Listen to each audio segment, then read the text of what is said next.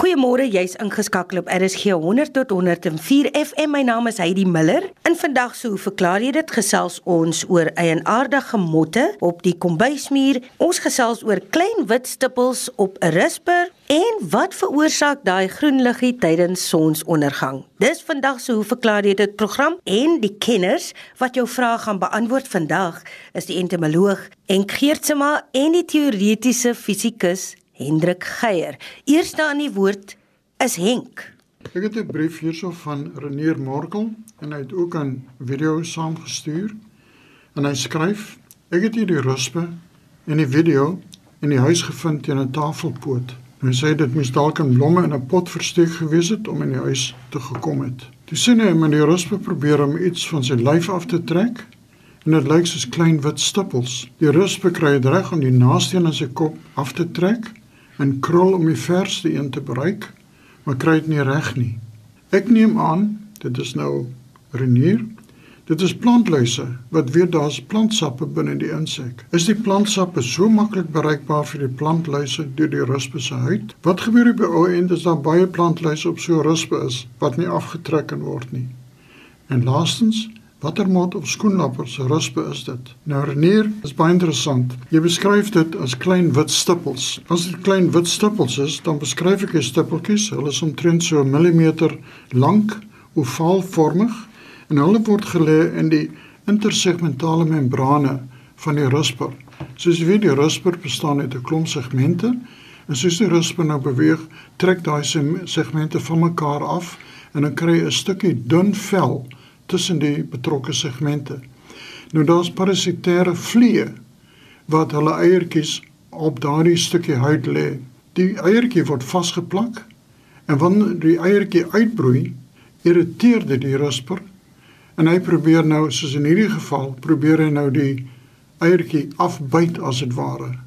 Maar die eiertjie is so goed vasgeplak en die ruspertjie op die maaiertjie van die vlieg wat in die eier sit, boor dan deur die vel wat natuurlik die rusper irriteer. So die rusper kom agter iets is nie lekker hier nie. Nou as die maaiertjie eers binne in die rusper is, dan begin hulle voed op die vetreserwes van die rusper. So die rusper gaan net aan met voeding. Hy word geïrriteer. Uh Renier, jy sal ook vind as hierdie stippeltjies, die wit stippeltjies word meestal aan die voorkant en die agterkant van die rusper gelê. Wat baie interessant is, as die vlieg gereed is vir eierlegging, dan irriteer hy die rusper. En die rusper staan as dit ware op sy agterpote lyk soos 'n sphinx. En dan klitsel hy die eiertjies veral op die sagte onderdeel van die rusper se huid of as die vlieg aan die agterkant van die rusper irriteer dan lig die rusper sy agterkant op en weer eens klits die vlieg die eiertjies aan die onderkant. Die maier ontwikkel dan binne in die rusper uh, byvoorbeeld Uh die denne Pauoogmot se rusper word so 12 cm lank. Ek het al van 30 sulke maaiers uit so rusper uitgehaal. Maar die ding is nou, terwyl die maaiers binne in op die vetreserve voed, vreet hierdie rusper vir die vale om sy reserve aan te vul. Maar as daar so baie maaiers binne in die rusper is, dan begin nader aan sy vitale of sy lewensorgaan aanval en uiteindelik sterf die rusper. Die maaiers kruip uit en vorm dan 'n papie aan die buitekant van die rusper. Maar daar's 'n ander groep insekte en dis parasitêre wespies wat dieselfde doen. Hulle kom by die uh besondere rusper, irriteer weer die rusper en lê ook die eiertjies veral op die intersegmentale sagte dele van die huid. Weereens broei daar 'n larwe uit. Onthou 'n maier is die larwe van 'n vlieg, maar by perdebytjies is dit 'n gewone larwe. Die larwe dring deur en doen dieselfde wat die vliegse larwe doen. Maar nou, wanneer die parasiet uh se larwe volgroei is, dan boor hulle weer deur die huid na buitentoe. So hulle boor so 'n gaatjie deur en dan begin die wespie se larwe begin spin. En dit spin dan soos hulle uitkom so 'n wit kokonnetjie. En dit kan ook in die wit stippels wees wat Renier hierso beskryf. Met ander woorde, daar's twee soorte. Dit kan of 'n eiertjie wees wat gelê word deur 'n vlieg of dit is die kokonnetjies van 'n perdeby parasiet wat nou uitkom. En die rusper sal dieselfde gevoel kry dat hierdie deurboor van binne af na buite om die kokonnetjie te vorm is net so irriterend vir die rusper. Dis die wat hy dit ook probeer afbyt. Dan verder vra hy nou laasens watter mot of skoenlappers ruspe is dit? Nou gewoonlik is dit die varkoorrusper wat die meeste gepla word deur hierdie soort parasiete. Maar uh as jy mens kyk na die Europese koolwetjie, hierdie wat skoenlappertjie wat so op kappertjies en so voorkom, wat so teen die muur, hulle papies spin, sê jy baie kere sien, daar bly niks omtrent van die ruspe oor nie, behalwe so 'n hele bondel van hierdie kokonnetjies. So Renier, baie dankie. Dis vir hierdie parasiete. En natuurlik moet ons dankbaar wees vir die parasiete, want hulle hou die uh getal gewig van insekte onder beheer. Jy weet 'n mens besef nie as jy 'n mannetjie en 'n wyfie plantluis neem en hulle het geen vyande of geen siektes nie, dan is hulle nageslag binne 'n jaar 10 tot die mag 210. Nou Hendrik hierso wat meer weet van hierdie getalle en so aan. Sou vir ons sê dat die aarde sal bedek wees met so 'n meter plantluise. Maar gelukkig is daar baie parasiete wat ook plantluise irriteer. Nou vra Renier ook soek die plantluise plantsappe binne in die insek se larf. Onmoontlik. Die insek het insekbloed. Die plantluise se hele struktuur is so tingerig dat hulle het nie die krag om deur die vel van 'n rusper te boor nie. Hulle kan wel die sappige dele van 'n plant by die groeipunte deurboor. Maar so gou hulle deurgeboor het, dan het hulle nie 'n sterk pomp om die plantsap uit te suig nie maar die plant self het 'n vloei van plantsap op sodat wel dit loop in die plantluise maag as dit ware van self. En wanneer die plant nou begin verlep, dan hou die sap vloei op en die plantluis ontwikkel vlerkes om na 'n ander plant toe te gaan. So, dis 'n heel interessante vraag, maar dis nie plantluise wat hier betrokke was nie. Plantluise is 'n heel ander groep plantluise voed uitsluitlik op plantsappe. Daar's nog 'n vraag gerig aan Henk van Lenet Martin en sy skryf 15 Februarie 2020 het ek die eienaardige mot op my kombuismuur gesien en toe besef dat ek 'n foto daarvan moet neem. So neem ek ook 'n kort video en groot is my verbasing toe die dingetjie wat nie veel groter as 'n ryskorrel is nie, begin beweeg. Dan kom die koppie bo uit en dan onder. Dit kan ook sywaarts beweeg. Wat is dit wil sy weet? Uh Lenet, baie dankie. Ongelukkig is die video wat jy gestuur het 17 megagrepe en dit is te groot vir my uh data uh verskaffer. Ek kon dit nie heeltemal sien nie. Maar as ek so uh lees die dingetjie nie veel groter as 'n ryskorrel is nie. Dit laat my baie dink dat hierdie kan die sogenaamde ehm um, Suid-Amerikaanse meelmot wees. Dit kom gereeld voor in die kombuis. Hulle voed op ou broodkrummels, ou meel en so aan. En jy weet in 'n kombuis is daar altyd nate tussen die muur en die tafel en so aan. En mens kan hoe skoon wees, daar gaan altyd spore van meel en so in daardie nate kom. En hierdie uh ek beskryf heeltemal so groot soos 'n ryskorrel, binne die mooitjie self is ook maar redelik klein. So baie mooi mooitjie. Uh dis 'n meelmot En die ding is dit sal nie vars meel aanval nie.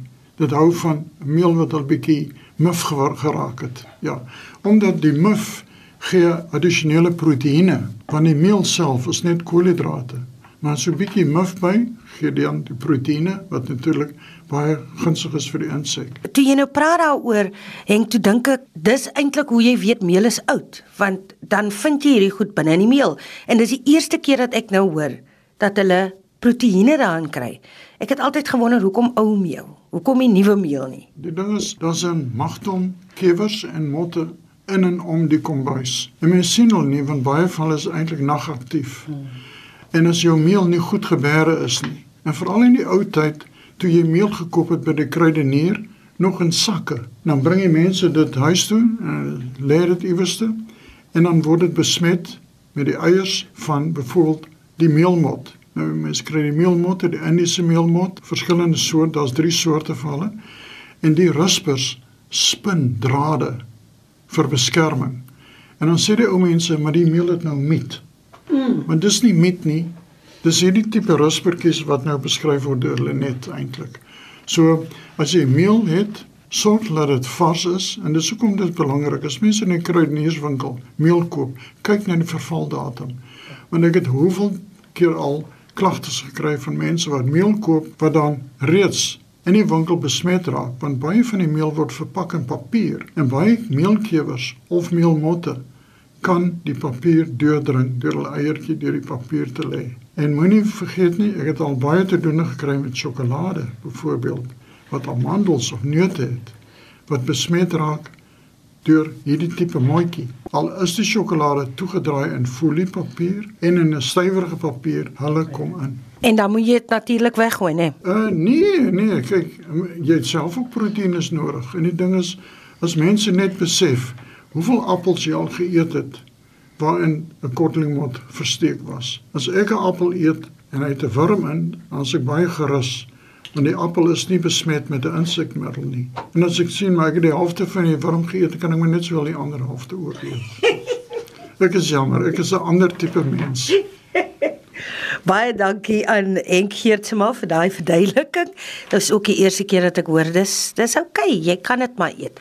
Dis hoe verklaar jy dit? Ek het reeds vir jou gesê wie my gaste is, maar ek herinner jou net weer indien jy pas by ons aangesluit het. Ons gesels met Henk Geertsma en Hendrik Geier. Die vraag kom van Pieter Lou aan Hendrik. Dit lees as volg: In die wintermaande sien ons soms momenteel 'n groen liggie of vlammetjie op die son vir 'n sekonde of 2 terwyl dit oor die see ondergaan.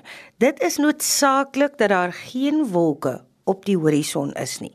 Ek hou die groen liggie al sedert 1983 dop en sien dit selde afrond ons naaste strande Wes. Ek sien dit veral by Kommetjie, Melkbosstrand en Bloubergstrand, maar het dit ook al by Drie Ankerbaai waargeneem vanaf die mini golfbaan. Kan iemand die verskynsel aan die leek verduidelik asseblief?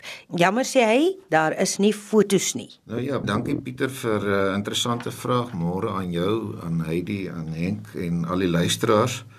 Ehm um, Hierdie is 'n vraag wat ek etlike jare gelede al 'n slag beantwoord het, maar ek vermoed ons praat nou van 10 jaar en meer gelede en dalk of hopelik is daar nou al 'n nuwe generasie luisteraars so uh dis so 'n lekker vraag om te beantwoord. Ek ek uh probeer dit so volledig en breedvoerig as moontlik beantwoord. So waarmee ons hier te doen het Pieter is 'n is 'n atmosferiese verskynsel en dit is die resultaat daarvan dat die atmosfeer ook as 'n prisma kan optree. Nou meeste luisteraars is sekerlik vertroud met die tipiese afbeelding wat 'n mens van 'n glas prisma of 'n uh, piramide sien aan een kant kom 'n uh, wit ligstraal in en aan die ander kant sien jy nou die kleure van die reënboog dikwels afgeneem meestal geskets maar hoe ook al en wat 'n mens daar sien is dat die kortste golflengte kleure dit wil sê die bloue en die en die perse en groene word meer gebuig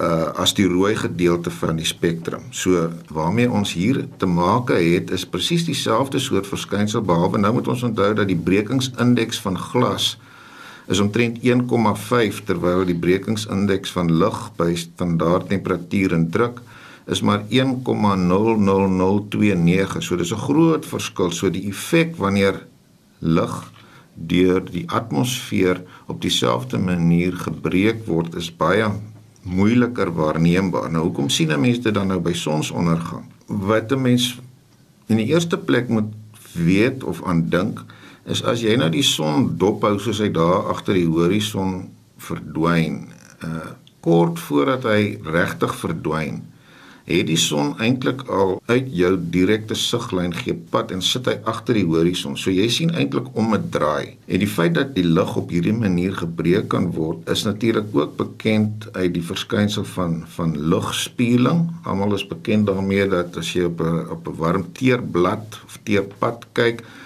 dan lyk dit of jy daar in die verte dalk 'n blou dammetjie sien en wat jy eintlik sien is die blou lug wat deur die warm lug naaste aan die aardoppervlak of aan die teeroppervlak uiteindelik weer kaats word en dit is wat jy sien. So die lig skyn van die blou lug af en word terug weer kaats en dis die tipiese blou dammetjie of water wat 'n mens dan onder daardie omstandighede waarneem. So uh presies dieselfde gebeur hier uh en die lig wat jou van die son af bereik kort voor sonsondergang kom met ander woorde so effens om 'n draai oor die horison. Nou as 'n mens nou daaraan dink dat die rooi lig die minste gebuig word en toenemend nader na die blou-violet deel van die spektrum word dit meer gebuig, dan besef 'n mens dat die rooi gedeelte van die sonlig terloops as 'n mens net na die son sou kyk en natuurlik weet ons almal jy behoort eintlik nie direk na die son te kyk nie allermins nie met 'n ding soos 'n verkyker nie. Dan sien jy net die geel skuif want dit is 'n kombinasie van al die kleure en en daar's geen manier waarop jy die effense verskillende kleure skuwe van mekaar kan onderskei nie. Maar hier by sonsondergang dan soos wat die son verder agter die horison ingaan kom 'n mens nou by die punt wat ek beskryf naamlik dat die lig jou effens met 'n draai bereik en die rooi lig kom met 'n vlakker hoek na jou toe aan as die groen lig. So as 'n mens nou vir jouself 'n sketsie gaan maak, dan besef jy jy interpreteer nou daai lig as komende van 'n plek direk uh in jou siglyn. Met ander woorde, die groen gedeelte gaan effens hoër wees as die rooi gedeelte. So wat jy dan uiteindelik in jou gedagte kan sien en uiteindelik direk waarneem, is 'n geel skuif wat kort voordat die son finaal verdwyn aan die onderkant effens meer rooi en aan die bokant effens meer groen is en dit is eintlik die die verklaring vir hierdie sogenaamde groen flits. Nou heeltemal te reg Pieter eh, verwys jy daarna dat dit noodsaaklik is dat daar geen wolke op die horison is in die eerste plek nie en verder moet die atmosferiese kondisies baie gunstig wees vir 'n mens om hierdie verskynsel waar te neem.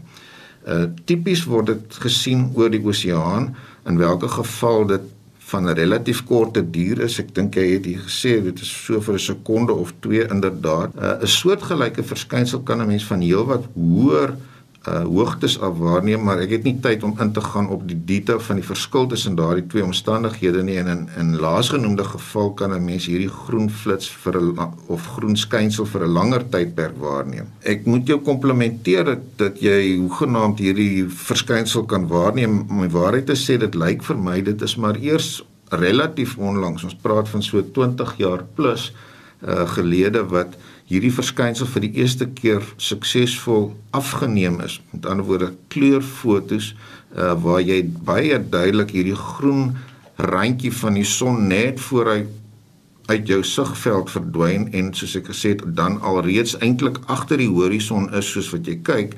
Uh daai groen streepie kan 'n mens op baie fotos waarneem en daar is reekse van fotos. Uh daar's terloops 'n persoon uh, met die naam van Andrew Young wat uh 'n hele webblad in stand hou om met hierdie verskynsel en variasies op die tema te werk as 'n mens net Andrew Young Green Flash gaan Google sê jy 'n klomp inligting afkom wat hiermee verband hou.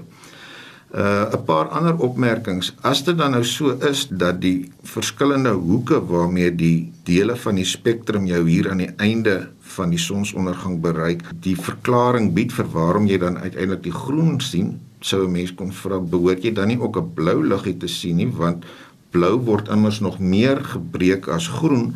Uh en nommer 1 dit is inderwaarheid so onder baie gunstige omstandighede waar daar geen storing in die atmosfeer is met ander woorde totaal windstil uh waar die temperatuurkondisies bo kan die seeoppervlak gunstig genoeg is en die word in detail bespreek op die webbladsy waarna ek verwys het word so 'n laaste blou skynseltjie inderdaad ook baie selde, maar tog wel soms gesien en is ook al gefotografeer. Die rede hoekom 'n mens normaalweg selfs al sien jy die groen flitsie nie die blou flits sien nie, is 'n mens moet onthou dat blou word tot 'n baie groter mate deur die atmosfeer uh verstrooi. Dit is hoekom die lug in die eerste plek blou is, die lig wat as dit ware oor ons koppe deur die atmosfeer gaan word by voorkeur die blou gedeelte weg verstrooi na ons toe en dit is hoekom ons die lug as blou waarneem. So as 'n mens nou daardie inligting gebruik om te wonder oor wat wat sou jy sien as jy verwag om 'n blou flits te sien, dan moet jy besef die atmosfeer selfs al is dit redelik skoon, het steeds 'n groter vermoë om die blou weg te kaats as die langer golflengtes So om daardie rede is die blou skynseltjie of blou flits selfs nog 'n meer seldsame verskynsel as die groen flits. Uh so 'n paar geskiedkundige opmerkings. Uh een van die vroegste gevalle waar hierdie verskynsel bespreek en opgeteken is, kry ons in 'n brief van James Joule 'n bekende naam in die fisika, die persoon na wie die energieeenheid vernoem is, uh, wat baie werk gedoen het wat die verband tussen warmte en meganiese energie uh, ontleed en gestruktureer het. Hy het in 1869 'n brief geskryf aan die sogenaamde Manchester Literêre en Filosofie uh, Vereniging waarin hy uh, hierdie waarneming 'n bietjie beskryf het en nou of Jules Verne die befaamde Franse skrywer hiervan bewus was of op 'n ander manier daarvan bewus was, uh is ek nie seker nie, maar hy het in 1882 'n 'n roman geskryf met die Franse titel wat ek nie sal probeer uitspreek nie, maar wat Groen straal beteken en dit gaan oor twee verliefdes wat op reis is na Skotland in 'n poging om juis hierdie groen flits waar te neem. En uit hierdie storie het daar nou uh, 'n uh, stertjie ontwikkel uh, wat lyk like my deel van die storie was naamlik dat diegene wat so 'n groen flits hoegenaamd kan waarneem, uh, ontwikkel die vermoë om soos dit erns gestel word diep in hulle eie harte en gedagtes te kan kyk en ook die gedagtes van ander kan begin lees. Nou daar is geen getuienis dat dat daardie deel van die storie hoegenaamd op die werklikheid gebaseer is nie maar op 'n manier lyk like my is dit een van daardie stories wat voete gekry het en wêreld inloop en en nog steeds van tyd tot tyd uh, na vore kom. Iets anders wat baie keer bespiegel is maar wat beslis nie die geval is nie is dat daardie groen flitsie wat 'n mens sien eintlik dieselfde is as die tipiese nabeeld wat 'n mens sien as jy lank na 'n spesifieke kleur gekyk het en dan wegkyk in watter geval jy dan die komplementêre kleur sou waarneem. Maar die blote feit dat 'n mens hierdie groen flitsie aan die bokant van die ondergaande son kan afneem bevestig natuurlik dat dit nie die geval is nie want die kamera uh, se sensor uh, het nie dieselfde moeg word uh, gedrag as wat 'n mens se oog het nie en iets anders wat ook van tyd tot tyd geopper word as 'n verklaring wat beslis nie die geval is nie is dat 'n mens hier eintlik te maak het met 'n verskynsel van die son wat deur branders skyn en dan sien jy 'n groenerige skynsel. Nou natuurlik as die son deur die branders skyn dan sien 'n mens so 'n mooi blou-groen skynsel, maar dit is beslis nie enige iets te doen met die verskynsel van die groen flits uh aan die bokant van die ondergaande son nie. So Pieter, baie dankie vir 'n werklike netjiese waarneming uh vir jou beskrywing en vir die vraag. Uh terloops ek net weer waarsku selfs kort voor sonsondergang behoort 'n mens onder geen omstandighede met 'n verkyker na die son te kyk nie. Dit is nie iets wat aan te beveel is nie.